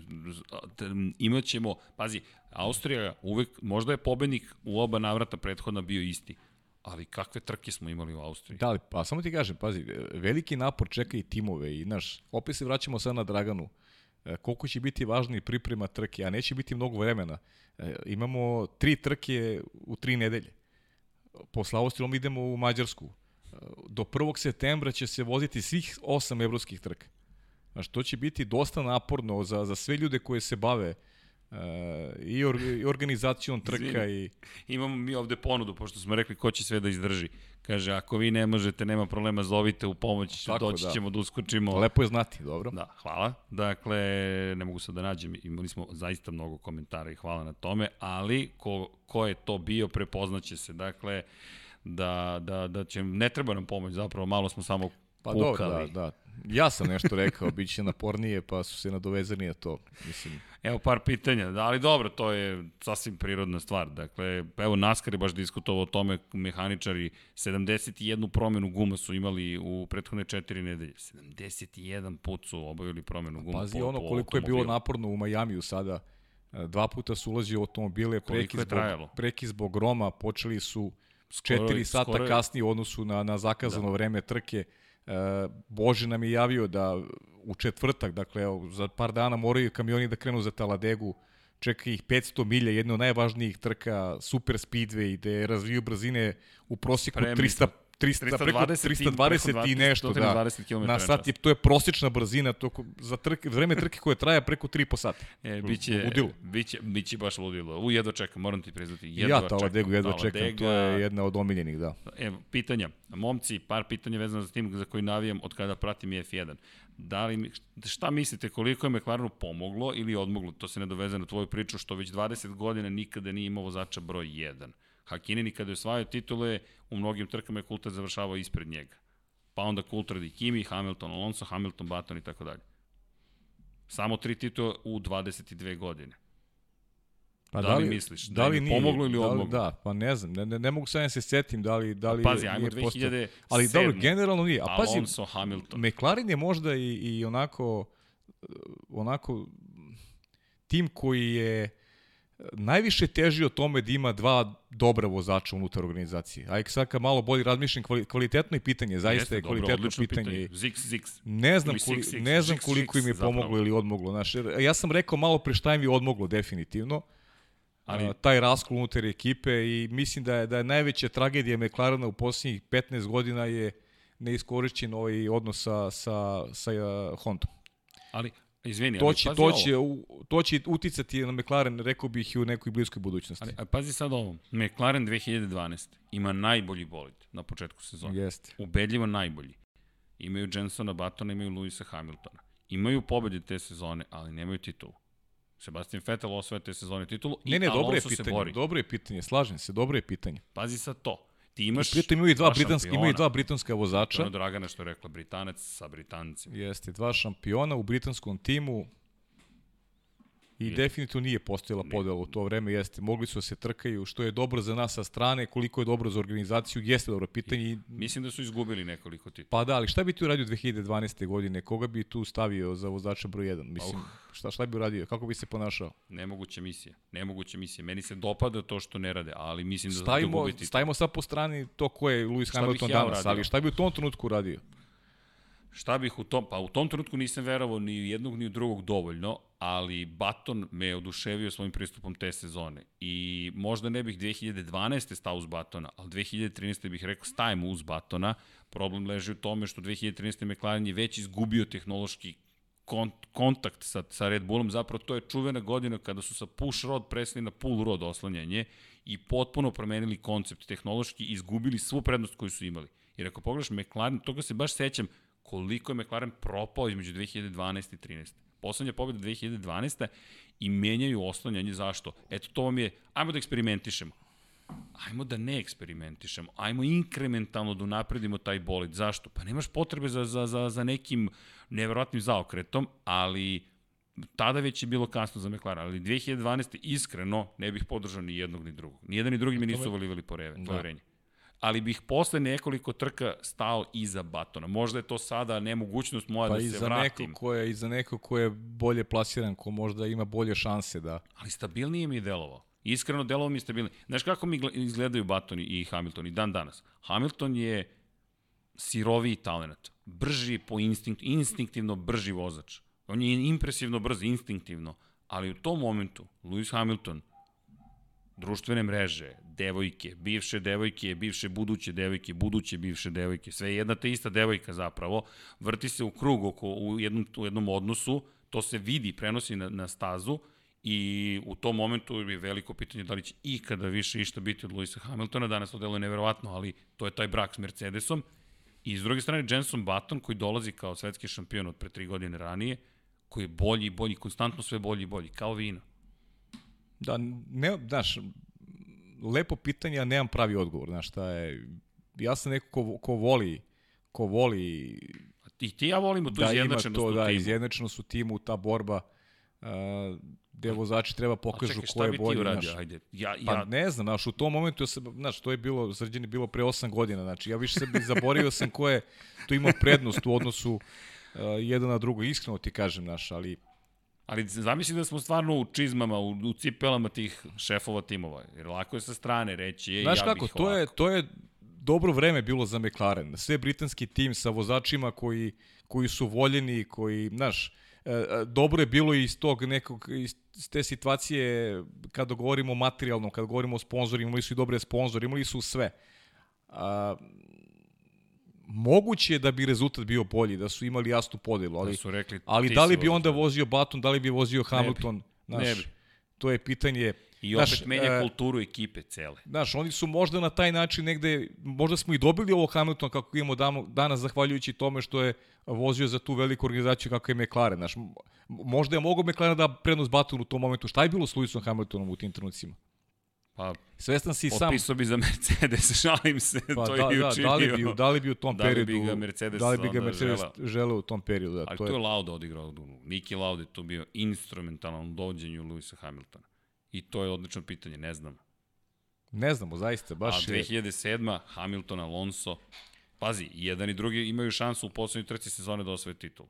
Zamisli samo na pola sezone da su rekli, ok, ti voziš do... Ali tu je sad, e, to je sad, to bi bilo super sa pričati sada i sa Alonsom i sa Hamiltonom o toj sezoni.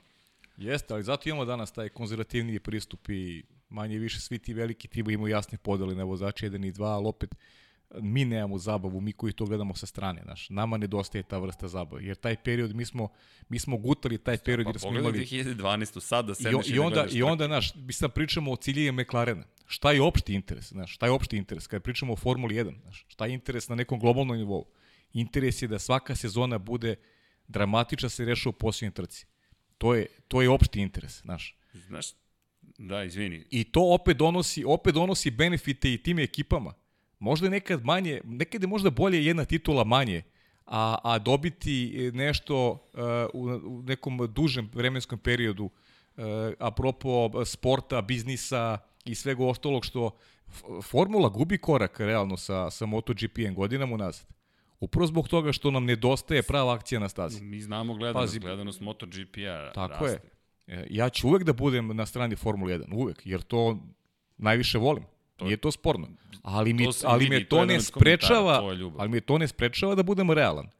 I da kažem da Formula 1, da joj treba neka injekcija koja će malo da, malo da razmrda stvari, malo da dobijemo prave akcije na stazi. To, to nam fali. znaš- Svima je dosadila ta jednolična trka. Ali znaš gde me dovodiš? Do Mercedesa. I koliko je dominantan Mercedes. Zapravo do Rosa Brona, koji je to, ostavio toliki trag. Pa zato Dakle- imaju jedinstvenu priliku, imaju jedinstvenu priliku, zato ja pričam iz aspekta nekog ko, ko gleda stvari i sa strane, ali opet pokušavam da, da razmišljam na način da sam u organizaciji Mercedes. Znaš, e, dominiram a, svetskom scenom, dominiram u šampionatu. Šta je sledeće? se na Fetela. Šta je sledeće što mogu da napravim? Ajde da ponudim svetu borbu dvojice najvećih šampiona Okej. današnjice. Ajde to da im ponudim. Glasam, evo, imaš moj glas, dakle, apsolutno. I dobio sam, i opet sam dobio. Evo i Vanja opet se sam, javlja. opet sam na dobitku, znaš, opet sam na dobitku. I samo da znaš, Vanja je ljubitelj pre svega američkih sportova, dakle NFL, NBA. Da. Ali mislim da ga hvata benzinska buba, polako ali sigurno. Pa zato što, Izlažemo zato ga što ovde. nas mnogo sluša, znaš. Izlažemo ga polako ali sigurno ga uvlačimo U, ubi, ga, u svet. ubi ga radijacija sa ove strane. Da, Vanja, tako da znaš, da podržao te. Podržao, hvala, dakle, Vanja. ali da, da, da se vratimo, da se vratimo pitanjima, ali ovo je bilo zaista sjajno pitanje. Ima i drugo pitanje. Žiks, Žiks, dakle, Žig, žigs, da. da, Žigs, žigs. da li će u narednih 5-10 godina konstantno biti konkurentan McLaren za titulu? Pa rekao sam ti da nisam siguran, ja i ne verujem u to. Ja se, ja se iskreno nadam, ali, ali ne znam. I pozdravlja Vanju i jedva čeka novi NFL podcast. Vanja ima svoje obožavaoce, Dobro, čekaj. normalno. Pozdrav, i tako i treba. Imam ovde Ivan Marković daje komentar koji ne mogu da pročitam, navijam za Ferrari, ali realno tamo nisu baš najprofesionalniji. A kaže da je Vettel doveo New i Hornet, to je preterana spekulacija i hipoteticanje za moj ukus i mislim da je cela priča oko Fetela i šta je moglo da trebalo pada u vodu jer Ferrari nije napravio pobjednički bod ili ostalo je sada već sve nebitno. Nada se boljoj budućnosti za Leclera. Eto, Pa to je dobro, sa Leclerom. okej. Mislim, Ali- očigledno neko ko voli Ferrari, Da, ali znaš zašto mu je okej pitanje? analiza. Za Da. Hondu i Red Bull. Dakle, i koliko je ugrbila priliku Honda zajedno sa Red Bullom. Dakle, da se izvežbala Honda s McLarenom, a da je McLaren tu užasno pogrešio. I da im Alonso nije pomogao. Pavle, to smo, Pa to smo bili... ponosno kažem, pričali 2015. smo to rekli. Da, budemo, da, da, da, u stvari da ne budemo skromni, zaista smo Nije to, skromno. to pričali, da. Da, da bukvalno nije. Dakle, i, i, i, i kada govorimo o tome, sećam se tog razgovora, gledamo McLaren koji se muči, slaže se s njim da Alonso nije pomogao. Alonso, koliko god da je brz, za mene godine njegove, njegovi šampionski u Renault ostaju dve ne- neke od najpečetljivih sezona koje sam ikada gledao, da se ti boriš protiv Schumachera u Ferrariju, pogotovo ono trka u Imoli i da tebi sedi jedan Mihael Schumacher na kičmi bukvalno celu trku i da se ti odbraniš, To je- to je Pazi, to je, taj, to je sad taj pristup.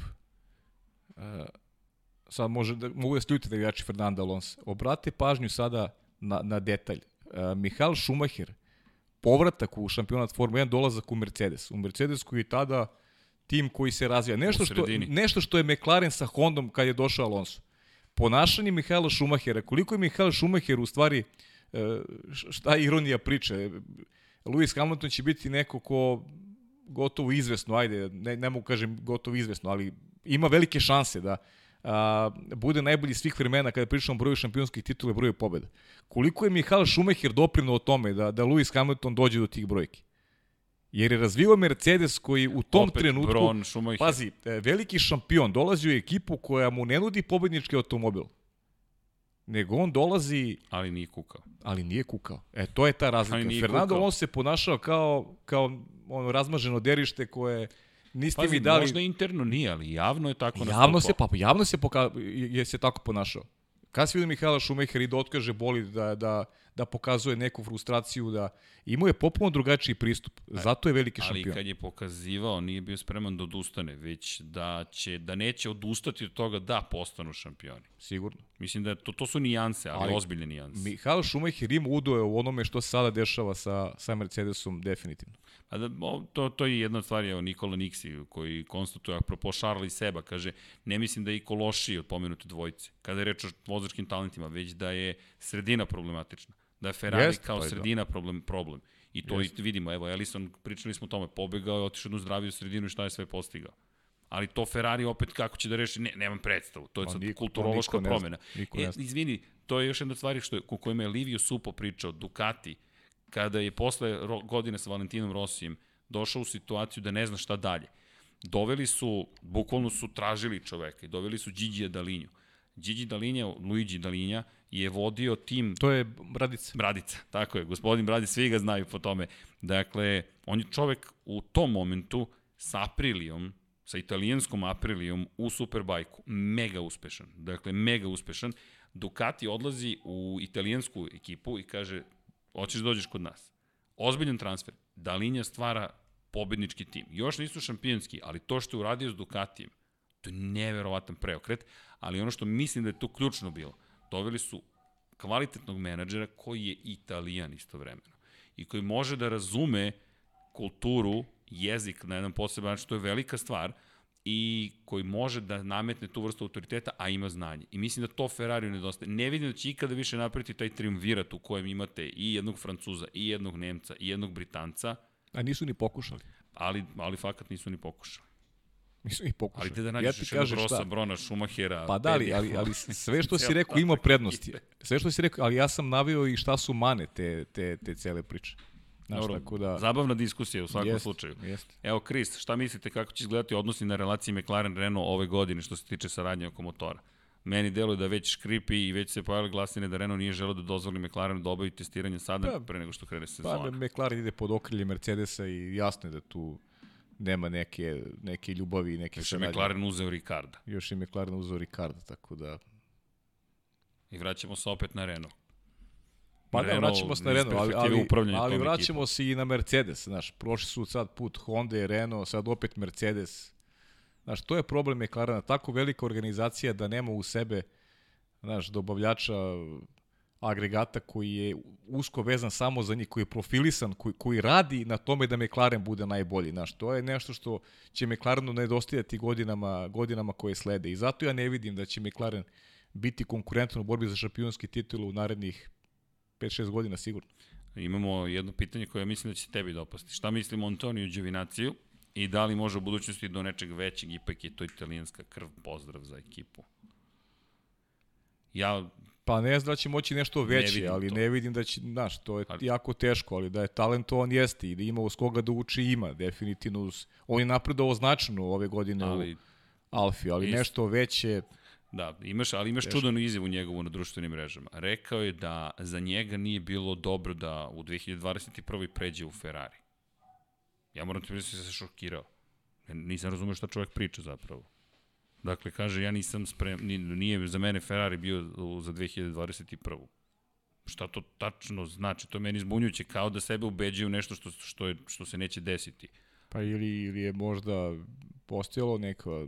Znaš, ja, ja sam ubeđen da je Ferrari ove godine tražio vozača broj 2. I ja stojim pri toj tvrdnji ne znam, ne znam ko može da, da me razuveri. Da li da odbio da ide u Ferrari? Pa ne znam da li, mislim... Pa mi tako bizarno zvuči. Znaš, zvuči nisu bizarno, još spremni da. za mene. Zvuči bizarno, ali... Pošto sam toliko toga osvojio do sada, pa kad se ozbilji doći ću u ekipu Ferrari. Strašno me zanima kako će izgledati ovaj, ovaj, ovaj novi projekat Ferrari od naredne godine. Nešto, nisam baš optimista kada, kada je taj izbor u pitanju naš. Za Carlosa Sainz? Pa da, da, iskreno ti kažem. To sam, to sam pričao i još kad se spekulisalo s njegovim dolaskom. Pa da, ali, ali šta ti je tu? Što, biće, ako bude vozač broj 2, Ok, pa dobro, i kao vozač broj 2 ti treba da, znaš, ono, da skupljaš pojene redovno ako će se boriš za titulu. I dalje ne veruješ u Carlosa Sainca. Pa ne, ne verujem preterano, moram ti pristati. Ja, ja i dalje verujem. A imamo i to jedan konstataciju, dakle, dakle da, da, ali razmijem mišljenja. Jedno mišljenje je na stranu toga da Sainz neće biti toliko brz, drugo mišljenje da hoće biti brz, a i mnogi kažu šta ako Sainz pobedi Leclerc u prve dve, tri trke u sledeće sezone. Hoće Ferrari onda da kaže, pa šta sad radimo? Pa to ako urade, onda su definitivno promašili temu. Dobro, to, to ostaje na Ferrariju da nam, da nam pokaže. Jer oni moraju sad, ako, ako je to ideja, a Binotto, ja mislim da je Binotto imao dobar plan prošle godine.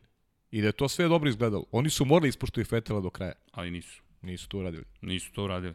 E sad moraju da ispoštuju ovog dečka koji je iz njihove škole koji mi donao pobede, na, u, u njega veruju očigledno. Ja sam Prito, re, rekao sam ti. da će Ferrari to da učini zaista. Ja ne, ne mogu da, da koncipiram da će isti ljudi koji su sve ovo do sada uradili jednom shvatiti da to što rade je pogrešno. Ja, ja, ja sam duboko ubeđen da oni smatraju da nije do njih, već da je do vozača i da to nikakve veze sa njihovim stilom menadžmenta nema, već da prosto ti igrači ne razumeju kako treba da to rade u Ferrari. Nisam baš siguran, ja baš mislim da, da, da će se promeniti stvari da je zbog toga Sainz je doveden. Uh, to ali ne znam, da vidimo. Ali ne znam šta će to, to doneti, da koliko je Leclerc taj koji može da nosi jedan takav tim kao što je Ferrari. To je sad opet druga strana medalje. Uh, ja ima oni koji veruju u njega, ima oni koji malo manje veruju.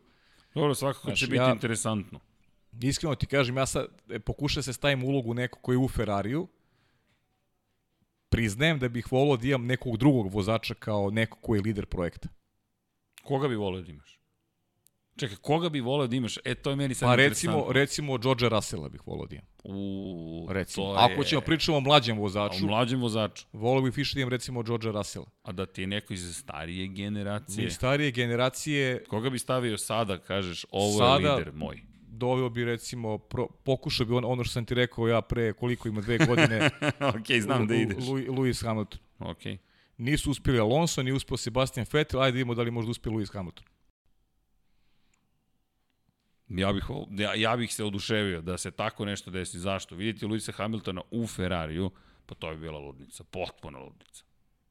I šta god da se desi, to mi je na nivou NFL, čovek se smeje. To Tom Brady otišao u Tampa Bay Buccaneers. Ne poredim Ferrari s Tampa Bay Bucksima, ali jedan od najvećih je otišao u neki potpuno deseti Mislim da je najteža disciplina uh, voziti za Ferrari. Jeste, ubedljivo. Najteža disciplina.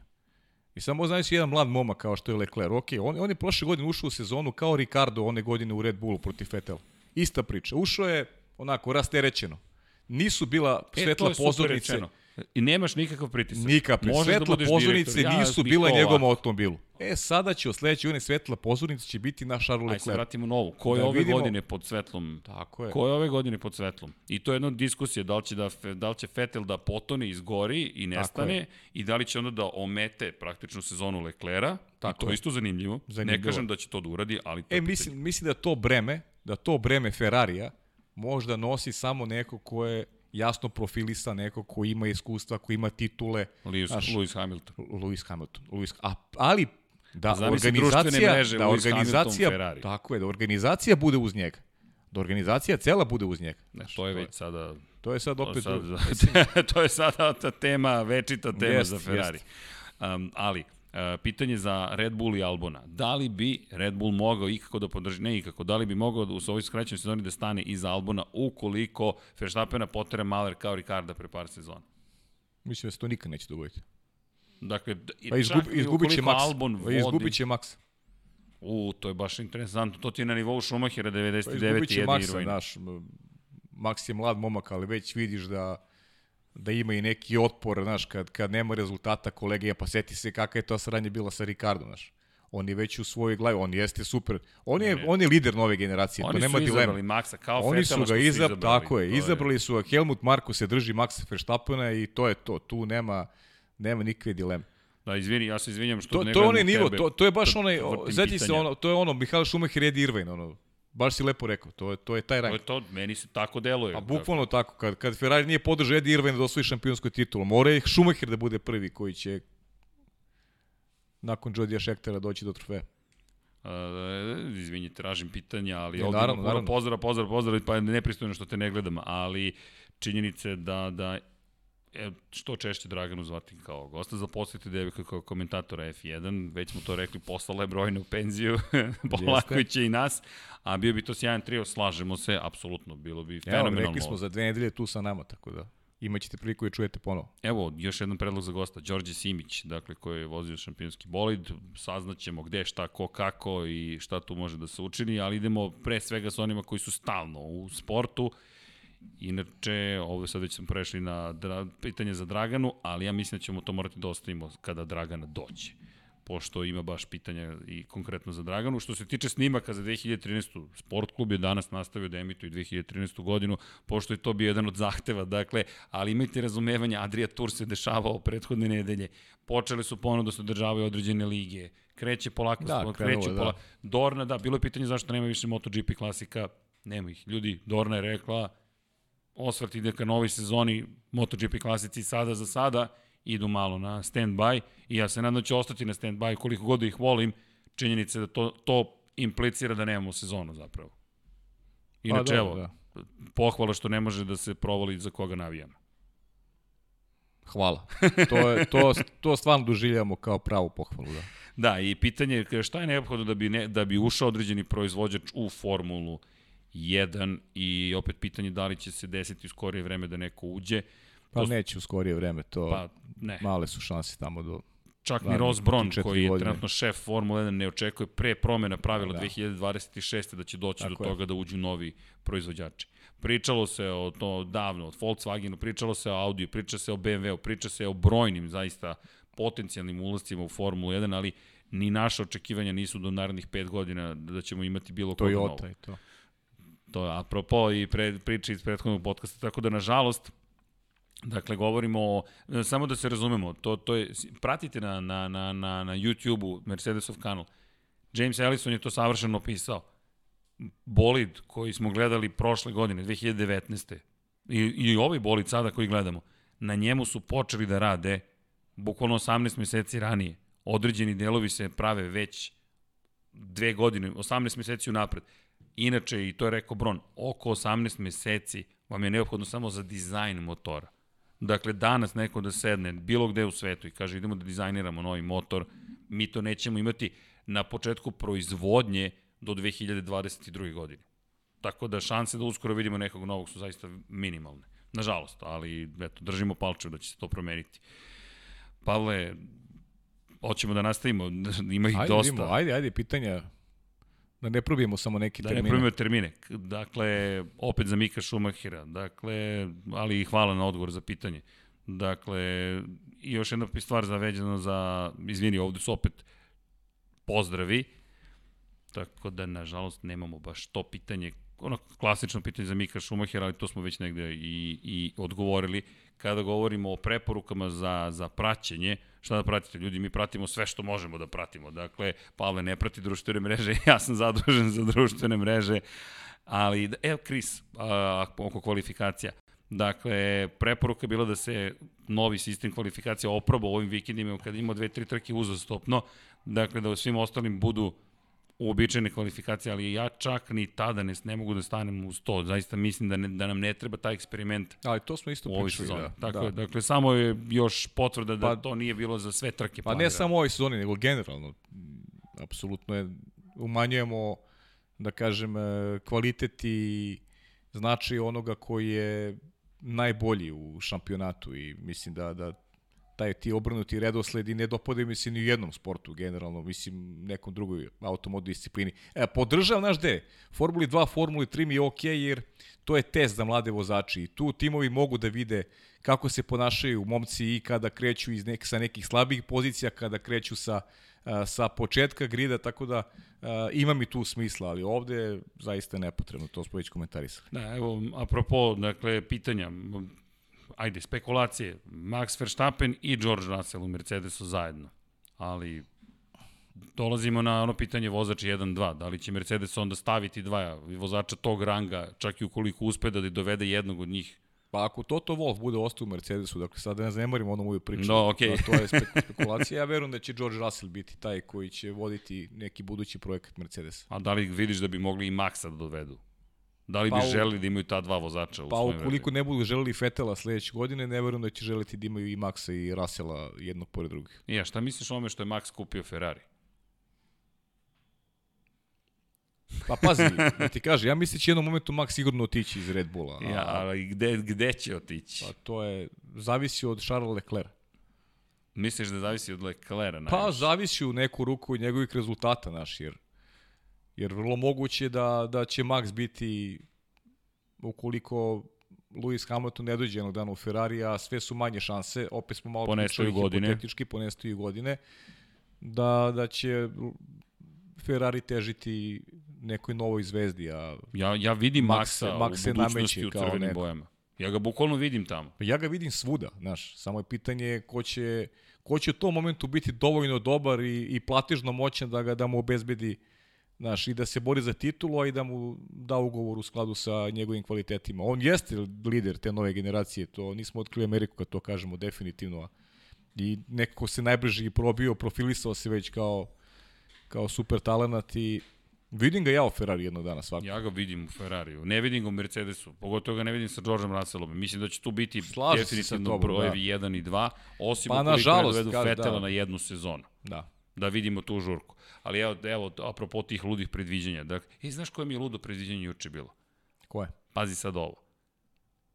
Alex Marquez dobija verovatno otkaz već sada iz Repsol Honda. Mark Marquez ostaje sam u garaži, možda će dovesti pola Espargara. Čekaj, čekaj, nisam dovoljno ispratio. Dobija već sada od... Da. A razlog, ne, nisam u to... Izvini, e, e, ta reakcija je apsolutno savršeno prikladna. Dakle, znači neće voziti uopšte ove sezone. Ne, ne, vozit će jednu sezonu i to A, je jednu. to. Hm. Nije, nije, nije, nije, nije dečko dobio priliku da vozi jednu trku. I već sada, navodno, potpisuje ugovor sa Polom Espargarom, ali svi, uključujući Livija Supa, malo pre spomenutog, govore na način da je to završen posao da je Pola Espargaro dolazi naredne godine u Hondu. Aleš Espargaro, njegov rođeni brat je... Što, stari brat sam ljutio što ga je pobedio u onoj virtualnoj trci? Ne, fazi sad ovo. Honda je već na kraju prošle godine rekla treba da smanjimo španski uticaj. Pazi sad, španski uticaj. A dovodi još jednog španca. Ja mislim da smanjuješ uticaj porodice Marquez, a ne Španije. Pa da, to ne znam. E, pazi sad ovo. Nis, nisam dovoljno upućen, pa daj, slušam, a, a ne, slušam ne, ali, ali, ali, slušaj sad ovo. Ali zašto dovesti Pola Espargara? Rossi nema ugovor sa Yamahom za sledeću godinu. Ajde, Repsol Honda, Mark Marquez, Valentino Rossi. Kad su luda predviđanja u pitanju. To je najluđe što mi je palo na pamet. Pa to je ono malo pređašnje, da. Malo pređašnje Vettel, Svi, Hamilton. svi to volimo, da, da. Imaš dve velike zvezde u istoj garaži. Pa samo A zamisli. automatski je drugačiji za, znaš, Za drugačija sve. percepcija gledanja svega, Pa odlazaka na trke. ljudi gledalo. Pa da, pa i odlasci na trke, znaš, znaš šta je, šta je to u marketinškom smislu? besmisleno. Ne kažem da je to moguće, Rossi Pa i Honda su se baš različili na jedan težak način, ali čak i Honda je bila u razgovorima za privatnu ekipu sa Rossijem kada odlazi iz Ducatija. Tako da, Dobro, ali sad je sigurno je Markezov utic, uticaj veći u Hondi nego čuj što je veći, bio nekada. o, već je da ogroman. Presudan, e, to Honda da. pokušava da promeni. I zato Da. navodno će pustiti njegovog brata da ide u Leučiće Kinelo Racing, a dovesti Pola Espargara, za koga kažu da stil vožnje odgovara Hondi, da bi mogao da ugrozi Marka Markeza. Ja to ne vidim, Mark Marquez je a Giacomo Agostini, Valentino Rossi, Mark Marquez, uvijek ću se ponavljati po tom pitanju, ali eto ti zanimljivog, dakle, momenta da, da, da Honda tu smanji uticaj. Apropo i toga koliki uticaj može vozač da ima u jednom momentu, kako to može da utiče na ekipu. Da, da, sigurno. U svakom slučaju, dakle, ja ne, ne vidim Max i, i George da će biti u istoj ekipi, ali Max zato u Ferrariju, apsolutno sam prilično siguran da će se to desiti. I kada, evo imamo još pozdrava, pozdrava, pozdrava, hvala i zaista to lepo osjećaj. E da, ko je bio bliži tome da bude naš predsednik u Formuli 1? Miloš Pavlović ili Stefan Grand Prix? Miloš Pavlović, Miloš apsolutno. Pavlović. Miloš Pavlović. Ne, nemojte uopšte. Stefan Grand Prix kao koncept, je- to je Ma, da, svašta da. se tu pričalo, ali Miloš Pavlović ima i super licencu, o A. njegov, da ne pričamo dok se ne Pa pojavi pogledajte, šta se pogledajte, sve dešavalo. možete, možete lako da, da izgooglate, a potražite koga je pobeđivao sve Miloš Pavlović u vreme kada je vozio i u Formuli Renault i kakve uspehe imao, tako da Milošu je samo nedostala finansijska potpora da, da Ozbiljna finansijska potpora. ozbiljnija finansijska Da. potpora da se domogne Formula 1. Zaista imao talent i nijedan drugi vozač nije bio ni blizu. Ej, završio bih sa ovim pitanjem, Pavle. Izvini, ovo Ajde. je, mislim da ovo super pitanje, jer kad sam ga pročitao malo pre publika je poskakala. Ali ima još pitanja, jer smo sve prešli. Pa ja? pazi, uh, ako pokušamo sve, jesi raspoložen za sve? Ja jesam, samo ne znam, znam da ti imaš još nekih Pa obaveza. dobro, ajde, ajde da probamo, da, da, da probamo. odgovorimo još neke. Ajde da brzinski, da budemo Ali čekaj, ovo koncizni, je, ajde. ovo je fenomenalno. Ajde. Koja bi tri pravila vratio u Formulu 1 da možeš? Pa dobro, to smo, to smo rekli, malo pre smo složili, dolivanje goriva definitivno, To, to, je, svi su to nema skočili, dileme. dolivanje goriva, jednoglasno. Ja, ja sam rekao da bih, ja bih jedno novo pravilo uveo, s obzirom da ima mnogo timova koji iskreno ne vidim kako mogu da napreduju kroz, kroz šampionat, uveo bi još treće vozilo za ove najbolje ekipe. Uuu, to je A fenomenalna to, to ideja. Sam, to sam ti, pa je to, smo to pričali, pričali kad je smo, o tome se diskutovalo. ja bih volao definitivno to da vidim, znaš. Mislim da bi to Mislim, tri. Ferrarija, tri Ah. McLarena, tri... ali to bi bio problem za male ekipe. To bi bio problem za male ekipe. Pa znam, ali male ekipe srđane, ja, ja ne vidim smisao nekih ekipa koje učestvuju, samo su učesnici, ne vidim prostor za napredak, pogotovo ovo vreme kada je finansijski moment takav. Nemoj da zaboravimo koliko se muče timovi da, da, da, da održe jednu sezonu e, u tom materijalnom smislu. Znaš koliko ima ljudi koji gube posao, koji ne dobiju redovne plate? Mi mislimo da je Formula 1 nešto što je wow, ima mnogo para, ima svuda mnogo para. Nije tako uopšte. Ima mnogo para da se potroše. Ima da se potroše, ali, ali, Ali ti ne bukvalno puno para. timovi krpe kraj sa krajem, pogotovo ti timovi srednje kategorije. Sad ne znamo šta će biti sa Hasom uopšte. Has koji ide možda na doboš, pitanje je da li će ostati u ovom šampionatu. Lepo su krenuli, ali možda su propustili priliku prošle godine da prodaju organizaciju, Gene Haas tu nije iskoristio. Tako da nisam siguran koliko ti timovi srednje kategorije mogu da, da uzmu neko zbiljnije učešće u narednih sezona. Apropo ona tri pravila, dakle, dolivanje goriva, da, opasno je, ali Formula 1 je opasna. Generalno je opasna. Dakle, da, Pa i NASCAR je opasan. pa, da, pa se doliva gorivo, ne se doliva, nego na sve strane Pršti na sve strane. Ali činjenica je da bi dolivanje goriva potpunosti promenilo ta taktike. Šta bih ja dodao? Ja bih dodao da imaš pravo da biraš različite gume i napred i pozadi, čak i na levoj i na desnoj strani. To je nešto što se lago spominjalo pre par godina, ali to imamo u Moto Grand Prix-u, imali smo u Formuli 1, Dakle, zamisli samo da ti imaš, jer šta mislim da bi Pa to znaš šta bi ja, šta bi ja izbacio da. isto, šta bi da ne mora bude obavezno, obavezno menjanje guma. Slažem se. Znaš, što bi moralo neko da menja gume obavezno? Kao da Probaj moraš da- da imaš dva seta kao različite. Zašto? Gerhard Berger, Meksiko, 1986. Ne moram ja da stavim. Ne moram da stavim. Ajde. Ja ću da vozim, a vi stajte. Pa da Tako je. vidimo ko će bolji. Alan Tako je. Prost je dobio nadimak zahvaljujući tome. Tako je. Što je mogao strategijom da pobedi. Meni se to dopada. I ovo Isto. sa gumama, mislim da bi bilo fenomenalno i za konstruktore bolida, gde mislim da bi time što možeš različito jedinjenje napred, različito jedinjenje pozadi, mogao da pomogneš u situaciji kada, na primjer, napred ti bolid nije dovoljno stabilan, nema dovoljno hvatanja, ne, to je grip ne postoji, dakle, prijanjanje ne postoji, ok, ajmo da koristimo drugi, drugi tip gume u ovom periodu trke a onda ćemo u drugom periodu trke da koristimo drugi tip gume. I možda nam to omogući da budemo u ključnom trenutku brži. Meni se to mnogo dopada. Plus dodaj na sve to i dolivanje goriva i to otvara toliko mogućnosti. Pogledamo samo Racing Point koji u kvalifikacijama katastrofa, onda dođe taktika, dođe vreme za trku, oni se probiju napred. Jeste. Ili smo mnogo primjera iz Mnogo, a, iz oni su da. najekstremniji. Pa dobro, da, i najsvežiji su. Mislim da je to to, pazi. Dobro. Ispratit ću sa drugih mreža. Da, i na Instagramu smo dobijali neka pitanja, ali pišite sve na, na YouTube zašto svi onda mogu da učestvuju u tom razgovoru. To je poenta, dakle, da svi pričamo. Poenta cele priče da je konverzacija na, na YouTube kanalu zaista sjajna i da ja uživam da čitam i kako naši gledalci, kako pričaju o određenim temama, zaista je prijatno sve to pratiti, kulturno je, Jest. A, uživam da pogledam i čekamo sa nestrpljenjem nova pitanja, zaista. Mi smo I tu... pišite sada pitanje i za Bakija, znači tu je sledeći nedelje. E da, sad smo najavili ko tako dolazi. Je, da, Baki nam je, je tu sledeći nedelje, tako da eto, i za njega neka pitanja. Da, Baki Pralica... Njega moramo sad onako da pročešljamo dobro, da vidimo koliko je bio prisutan za vreme ove pauze. Ali pazi sad ovo, Ghost Rider nam je tu, bio je Đoković, Baki i Đoković su igrali tenis svojevremeno, Čak i Baki pobeđivo nekada. Ali to je ono što se hvali, znaš, sa 13 godina pobeđivo sam Novaka Đokovića. U šestoj godini sam bio bolji. Kao, znaš. Ali to je opet zanimljiva priča. U svakom slučaju, Baki jedva čekamo da vidimo umesto Ghost Ridera. Mada ovde su pali neke ponude da znaš, ukoliko ne bude gostio, neko će iz studio da obuče odelo i kacigu i da odgovara na pitanje. Opa. Tako da. Već vidim Vanju.